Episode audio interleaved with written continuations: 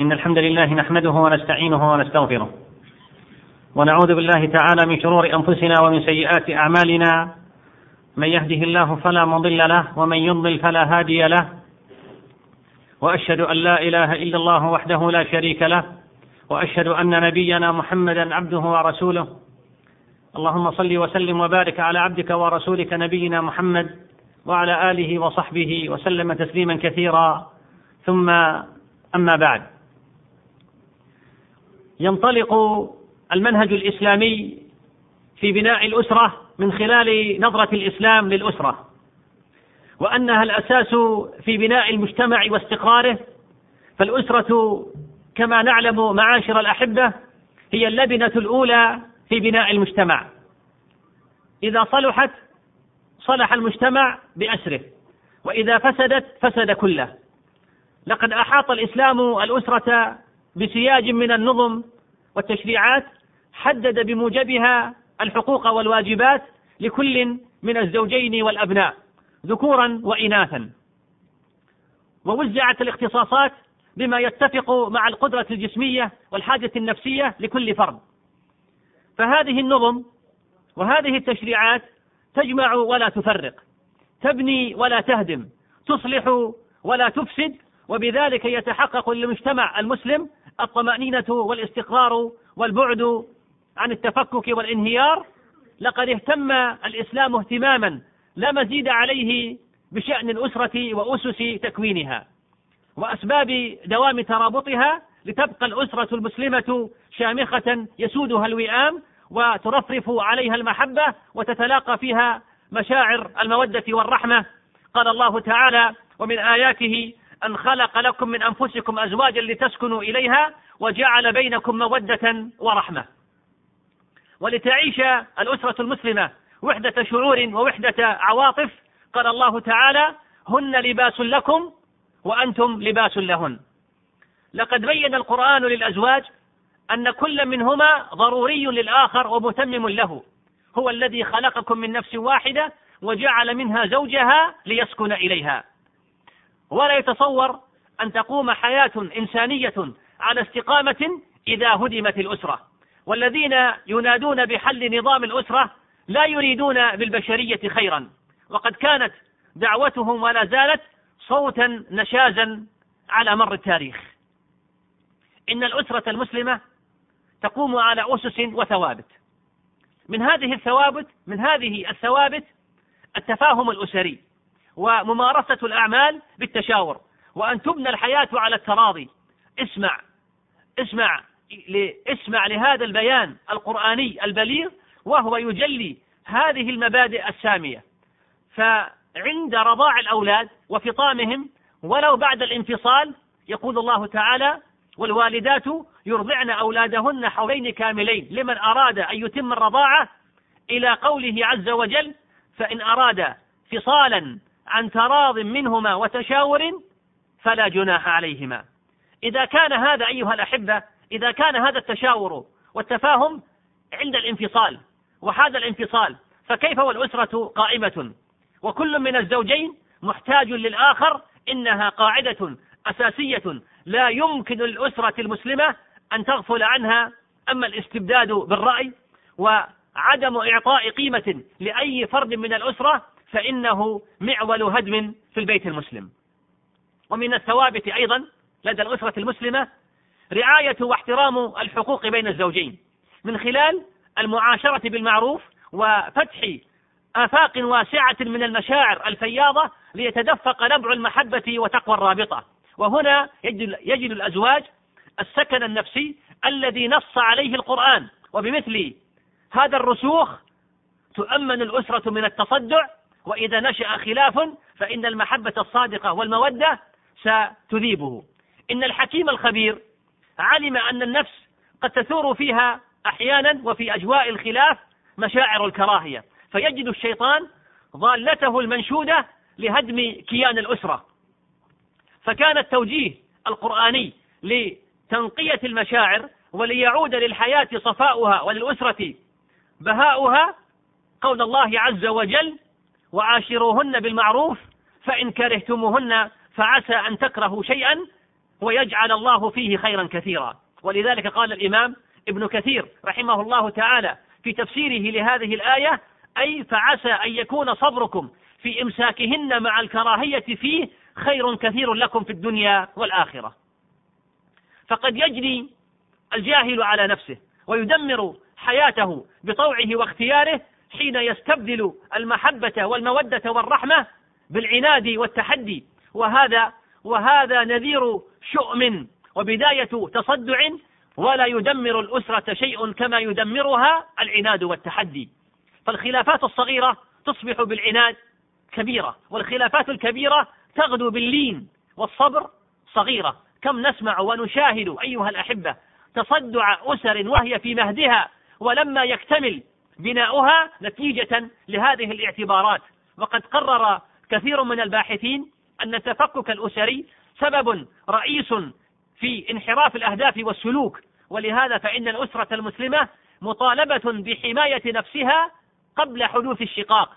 ولا يخفى أن الحياة لا تصفو دائما بل هي معرضة للسراء والضراء. وأيضا من الثوابت والأسس المهمة والتي يجب أن تدركها الأسرة المسلمة أنها لها في هذه الحياة وظيفة ورسالة عظيمة.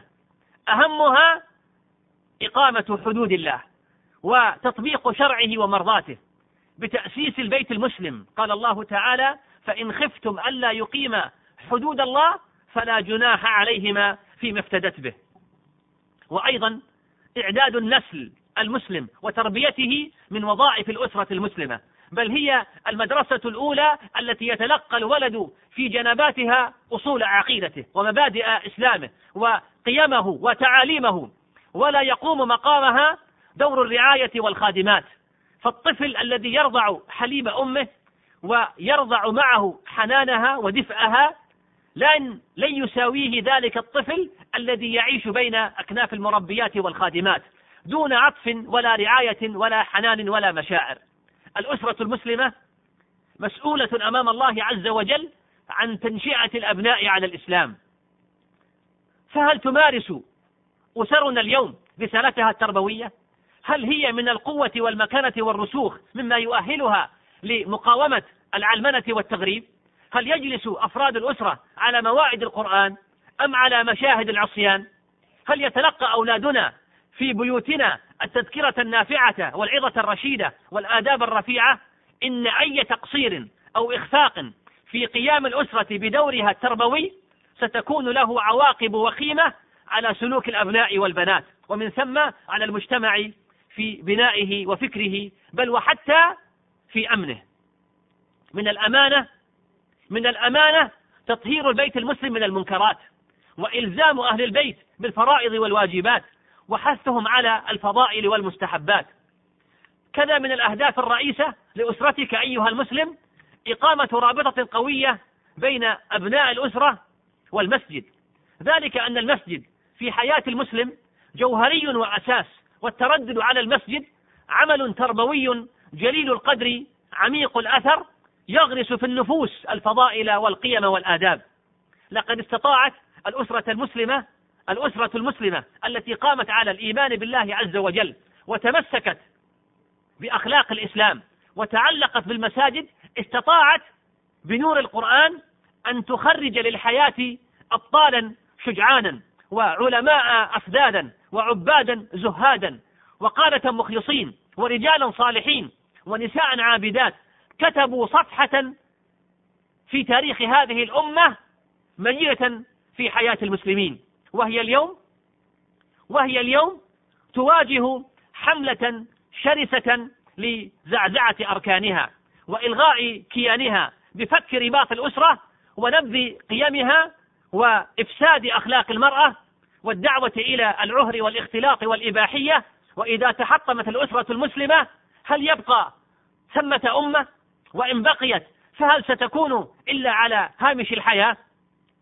لقد تفككت عرى الأسرة المسلمة في بعض بلاد المسلمين. نتيجة السقوط في حمعة التقليد الأعمى للغرب والانسياق وراء كل نحلة ترد منه. فكثرت حالات الطلاق وتدمرت الحياة وضاع المجتمع وعزف كثير من الشباب عن الزواج وتبع ذلك انطلاق محموم وراء الشهوات البهيمية.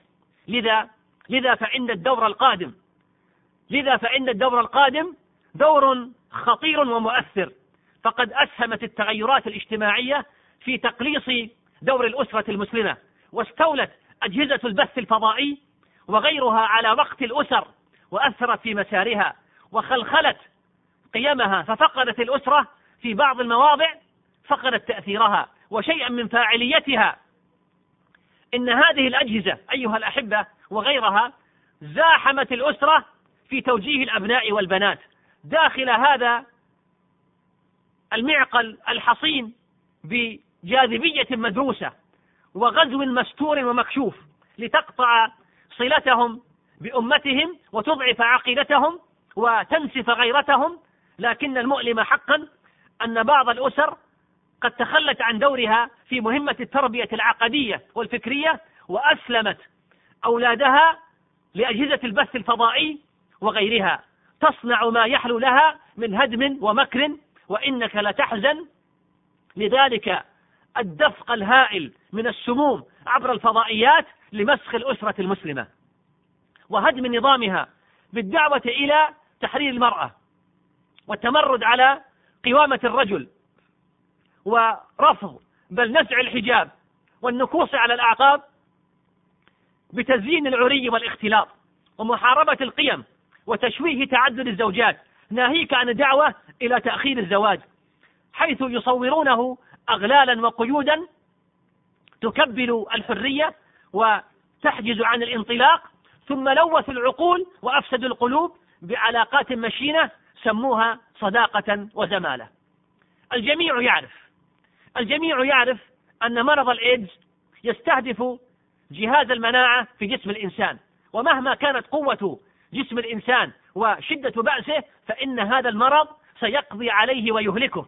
والعلمانيون ودعاة التغريب استهدفوا عبر أطروحاتهم الأسرة المسلمة لأنها تمثل جهاز المناعة في المجتمعات.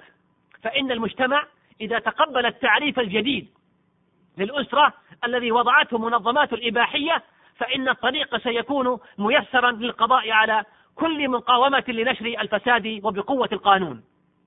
وحتى تستطيع الأمة بمجموعها التصدي لهذا الخطر إذا كانت صادقة فإنها يجب عليها أن تدخل مادة الأسرة في مناهج تعليم البنين والبنات. حتى ينشأ جيل يحترم هذه المؤسسة ويعرف ما له من حقوق وما عليه من واجبات. إن مشروع حماية الأسرة مهمة الدولة والمجتمع والفرد.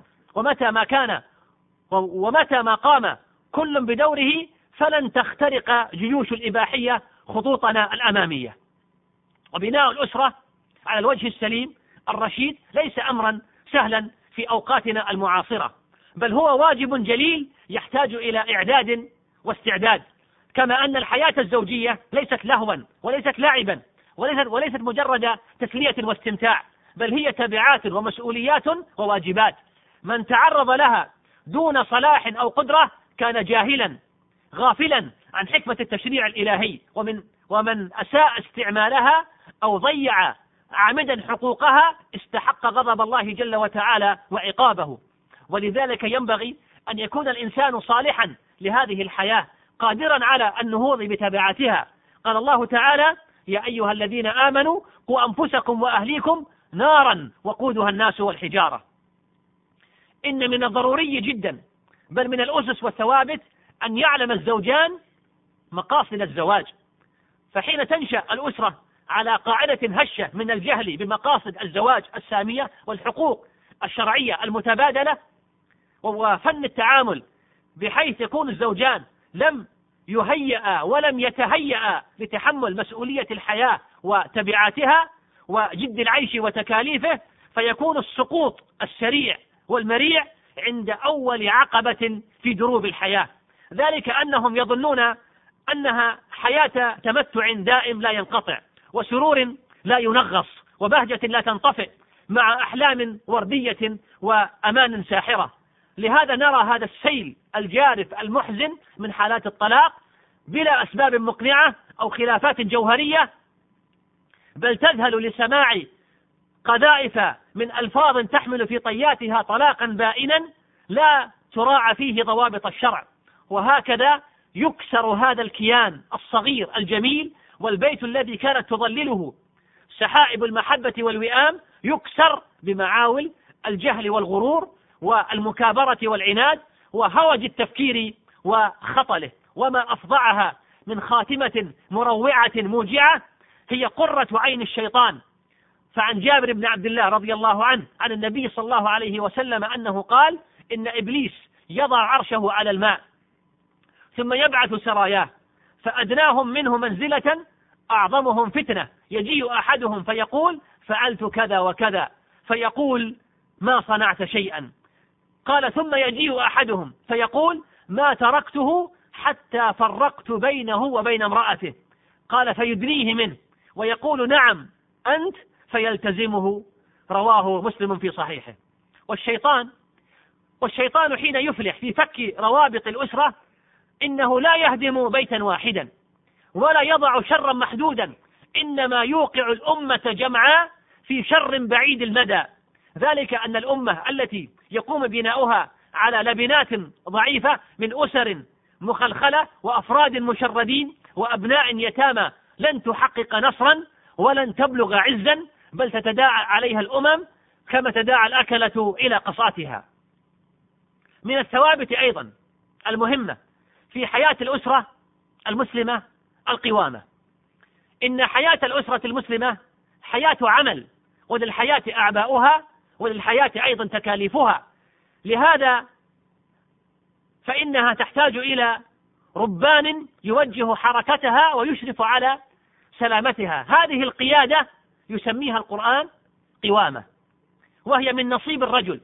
والرئاسة ليست للاستعباد والتسخير وإنما هي رئاسة إشراف ورعاية. لا تعني إلغاء شخصية الزوجة وإهدار إرادتها أو طمس معالم المودة والألفة في الأسرة. يقول صاحب الظلال رحمه الله تعالى إن هذه القوامة ليست من شأنها ليس من شأنها إلغاء شخصية المرأة في البيت ولا في المجتمع الإنساني ولا إلغاء وضعها المدني وإنما هي وظيفة داخل كيان الأسرة لإدارة هذه المؤسسة الخطيرة وصيانتها وحمايتها. لقد هيأ الله عز وجل المرأة لوظائف وأحالها لأدائها وهيأ الرجل أيضا لوظائف وأحاله لأدائها بحكم التكوين الجسدي والنفسي والاجتماعي. فإذا تحولت القوامة من الرجل إلى المرأة كلفت المرأة ما لا تطيق وانحرفت الأسرة عن مسارها. وفي المقابل فإن سلب الرجل قوامته على زوجته وأسرته يعرض هذه الأسرة لمتاعب ومشكلات. وأولئك الذين ينادون بسلب الرجل قوامته إنما هم أصحاب هوى وهوس وهم سفهاء لأنهم يتحدون شرع الله تبارك وتعالى. يقول أيضا صاحب الظلال رحمه الله لعل من الدلائل ما أصاب الحياة البشرية من تخبط وفساد ومن تدهور وانهيار ومن تهديد بالدمار والبوار في كل مرة خولفت فيها هذه القاعدة فاهتزت سلطة القوامة في الأسرة واختلطت معالمها أو شدت عن قاعدتها الفطرية الأصلية. إن القوامة تعني أن رب الأسرة مسؤول عن كل ما يوفر ما يوفر سلامة الأبدان والأديان. يجنب الأسرة مصارع السوء. يجنب الأسرة طرق الانحراف. يعطي من نفسه القدوة المثلى في الوقوف عند حدود الله جل وتعالى وتعظيم شعائر دينه. مع سعة صدر وحسن خلق فهو كالراعي الذي يحمي الحمى. رب الأسرة مطالب بالتوازن بين مهام العمل والعبادة والتفرغ لمهام الأسرة ليعطي كل ذي حق حقه. حق الزوجة حق الأولاد رعاية الأسرة التربية. وإذا كان رب الأسرة عاجزا عن توفير الوقت الذي يجتمع فيه مع نفسه أو بأفراد أسرته يوجههم يحدثهم يستمع إليهم يربيهم يهذب أخلاقهم إذا كان عاجزا عن توفير هذا الوقت فسيندم ولات حين مندم. عن عبد الله بن عمرو بن العاص رضي الله عنهما قال قال لي رسول الله صلى الله عليه وسلم يا عبد الله بن عمرو بلغني أنك تصوم النهار وتقوم الليل فلا تفعل فإن لجسدك عليك حقا ولعينك عليك حقا وإن لزوجك عليك حقا صم وأفطر صم من كل شهر ثلاثة أيام فذلك صوم الدهر أخرجه البخاري ومسلم.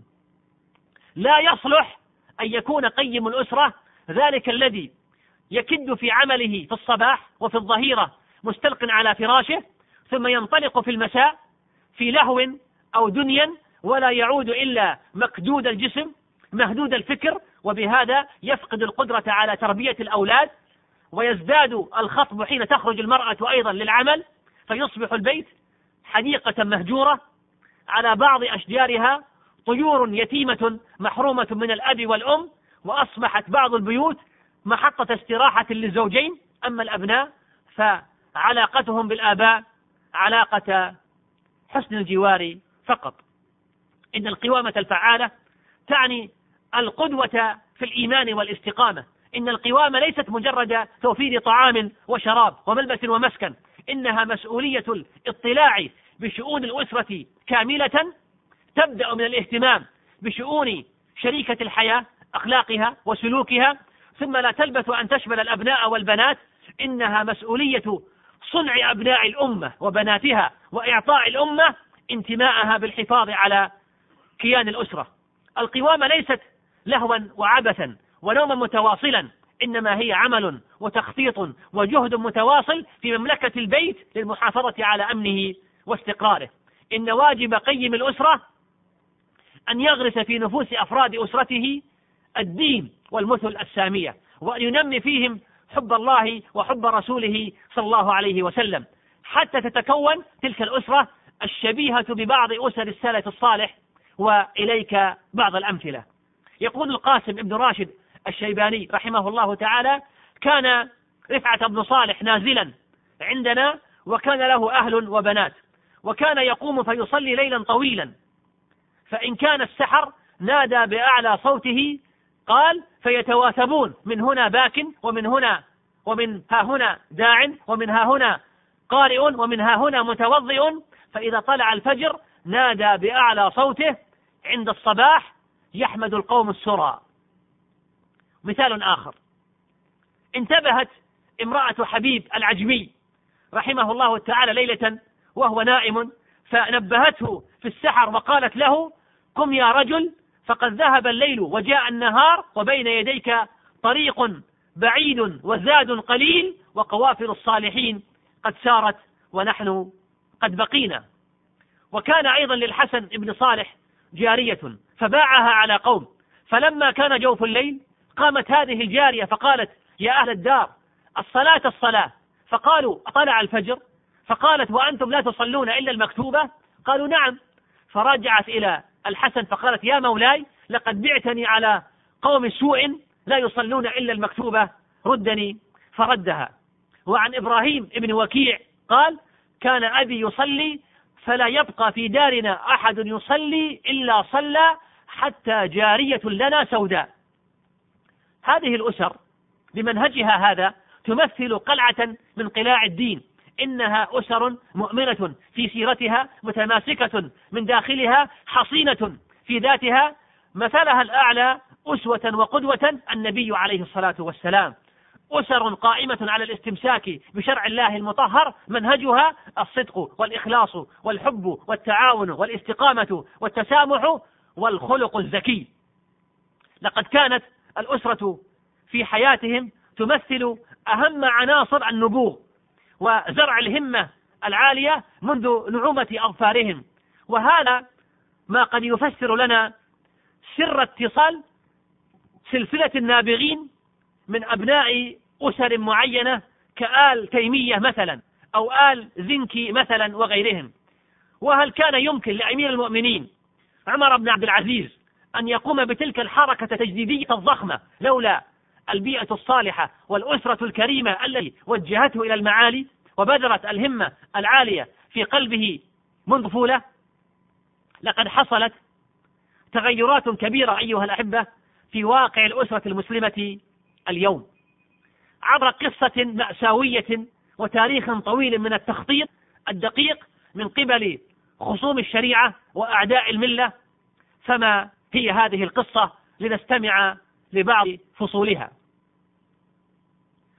كانت الأسرة المسلمة كانت الأسرة المسلمة ولا تزال تمثل قاعدة المجتمع الإسلامي.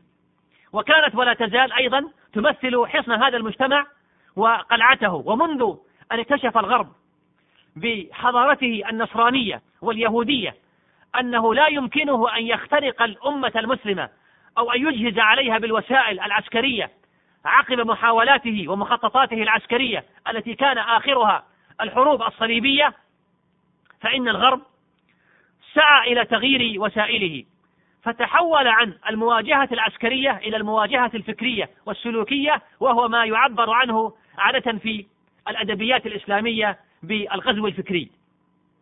وكانت أهم أدواته في ذلك إنشاء جيش من المنصرين والمستشرقين وتأسيس كراس للدراسات الاستشراقية التي تستهدف اكتشاف العالم الإسلامي واختراقه لمعرفة عاداته وتقاليده ونفسية أبنائه وبناته. وبلغ شأو هذه الجيوش الاستشراقية والتنصيرية حدا كبيرا فلم تدع شيئا إلا دست أنفها فيه حتى دخلت مخادع النساء وكانت جيوش المنصرين والمستشرقين هي طليعة الاستعمار الغربي للعالم الإسلامي. كما كانت هذه الجيوش الاستشراقية هي الأساس الذي قامت عليه مراكز الأبحاث وأجهزة الجاسوسية والمخابرات المتصلة بالنفاذ إلى أعمق أعماق عالمنا الإسلامي. وبعد انتهاء الاستعمار العسكري ظل العالم الإسلامي بحكم موقعه الاستراتيجي وبحكم موارده وبحكم ما يمثله من امتلاك الثروة الحضارية والروحية الهائلة والمتمثلة في الإسلام ظل موضع اهتمام لما يمكن أن نطلق عليه الاستشراق الجديد. الاستشراق الجديد. والاستشراق الجديد لا يعتمد في دراسته عن العالم الإسلامي على جنوده وأبنائه من الغرب بل سعى إلى وجود مستشرقين من أبناء العالم الإسلامي نفسه. بحيث تقوم علاقة ترابط قوية بين المراكز الاستشراقية في الخارج وبين أطرافها وذيولها في الداخل. وتمثل ظاهرة الأبحاث المشتركة عن المجتمع الإسلامي فيما يتصل بمظاهر قوته الخاصة بالصحوة الإسلامية واللغة العربية والجامعات الإسلامية والأسرة المسلمة والحجاب وانتشار السلوك الإسلامي تمثل موضوعات هامة للاستشراق المحلي المرتبط بالاستشراق الجديد في الخارج. فلم يعد الذين يرصدون الظواهر التي تمثل مظاهر قوة في المجتمع الإسلامي من الغربيين وإنما هم من بني جلدتنا ويتكلمون بألسنتنا ووجدت نخبة متغربة تتبنى قيم الغرب نمطا للحياة بديلا عن نمط الحياة الإسلامي. وقد استطاعت هذه النخبة السيطرة على مراكز صناعة القرار وخاصة الإعلام والفكر والكتابة. وصارت الذراع الفكرية التي تحمي النظم الحاكمة وتسوغ لها الاندفاع في التبعية للأفكار والقيم الغربية. تارة باسم التقدم وتارة باسم الوراثة وبلغت الرغبة في الاختراق حدا مريعا إذ وصل الأمر بالإصرار على اختراق المؤسسة الدينية ذاتها.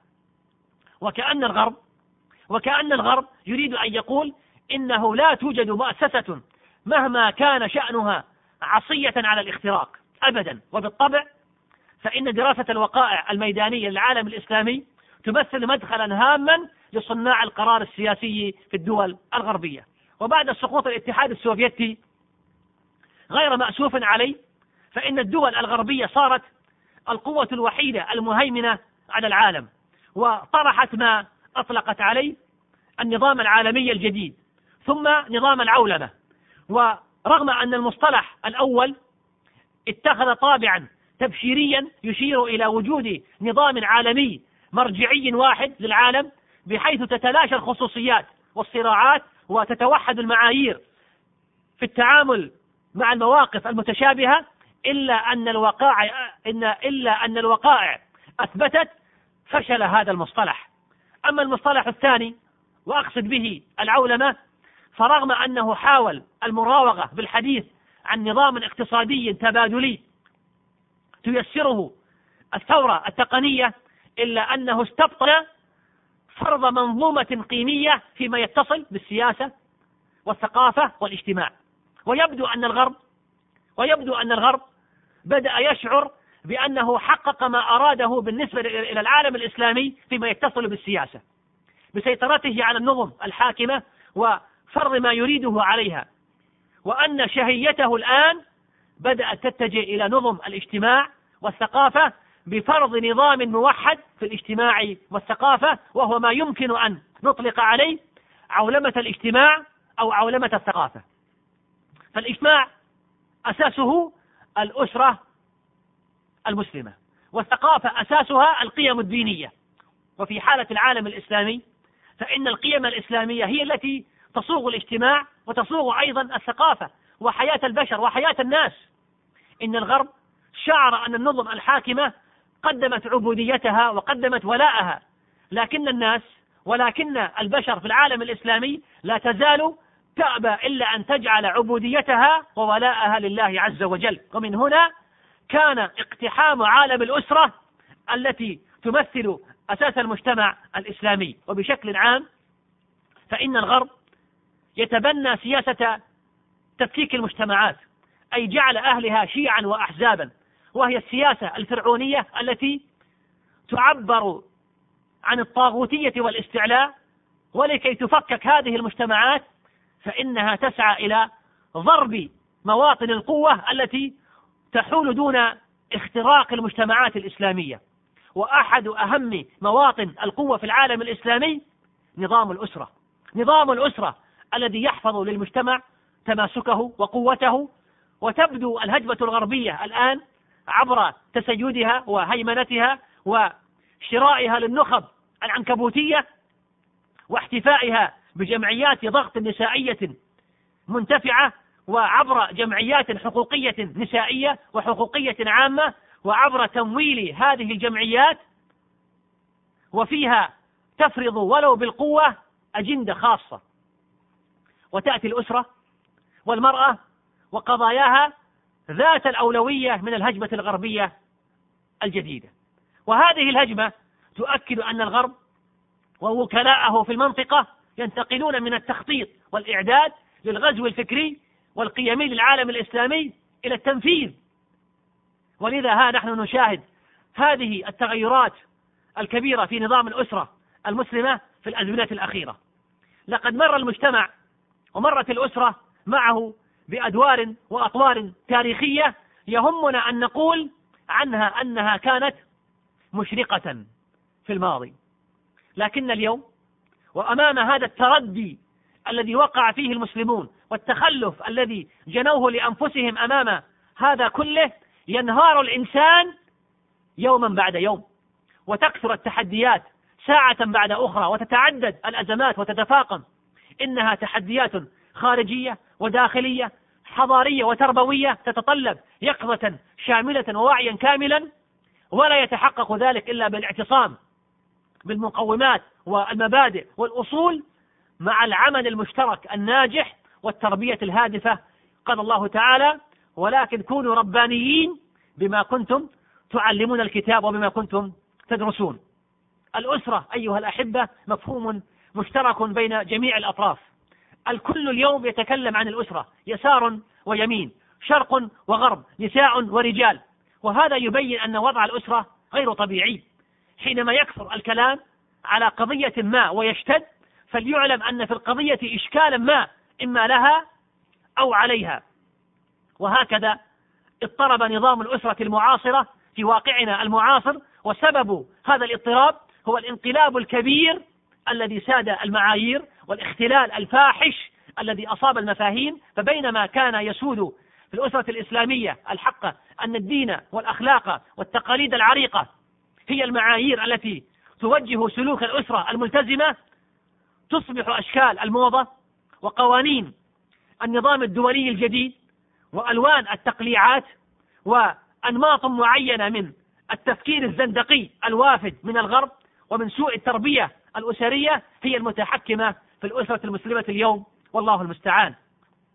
تدلنا على ذلك المطالب الجائرة التي ترفع اليوم باسم التنظير والتأطير والتقنين لرفع الظلم والحيف عن الأسرة المسلمة والمرأة المسلمة زعموا إن أخطر ما تواجهه الأسرة اليوم هو التنظير لها والكلام عليها بكلام مطلسم يستخدم مصطلحات غير مفهومة. تلك هي رؤيتهم التي ذأبوا على بثها بكل وسيلة ممكنة وذلك هو برنامجهم الذي لم يسأموا من السعي لتحقيقه في الواقع وفرضه بالقوة مستعينين بأمور منها أولا وسائل الإعلام من مختلف أشكالها.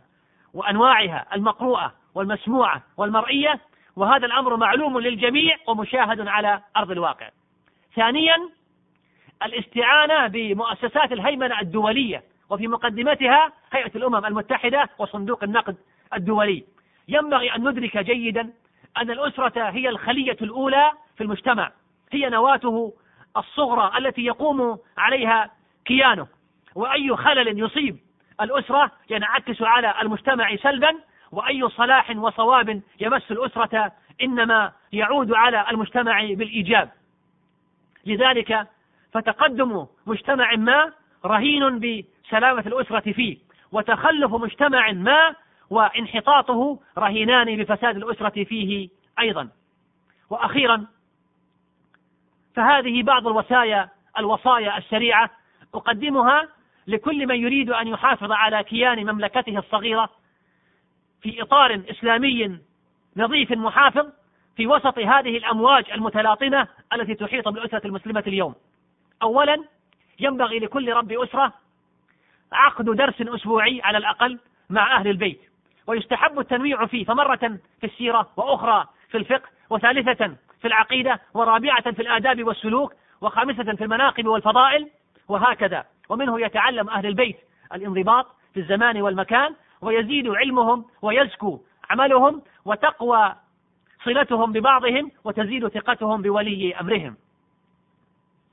ثانيا إنشاء مكتبة مقروءة في البيت تناسب جميع المستويات وتتوافق مع كل الأذواق لتصبح حديقة غناء يدخل إليها من يريدها فيجد فيها بغيته ففيها ما يناسب طالب العلم. والرجال والنساء والأطفال والمتخصص والمطلع ومثلها مكتبة سمعية.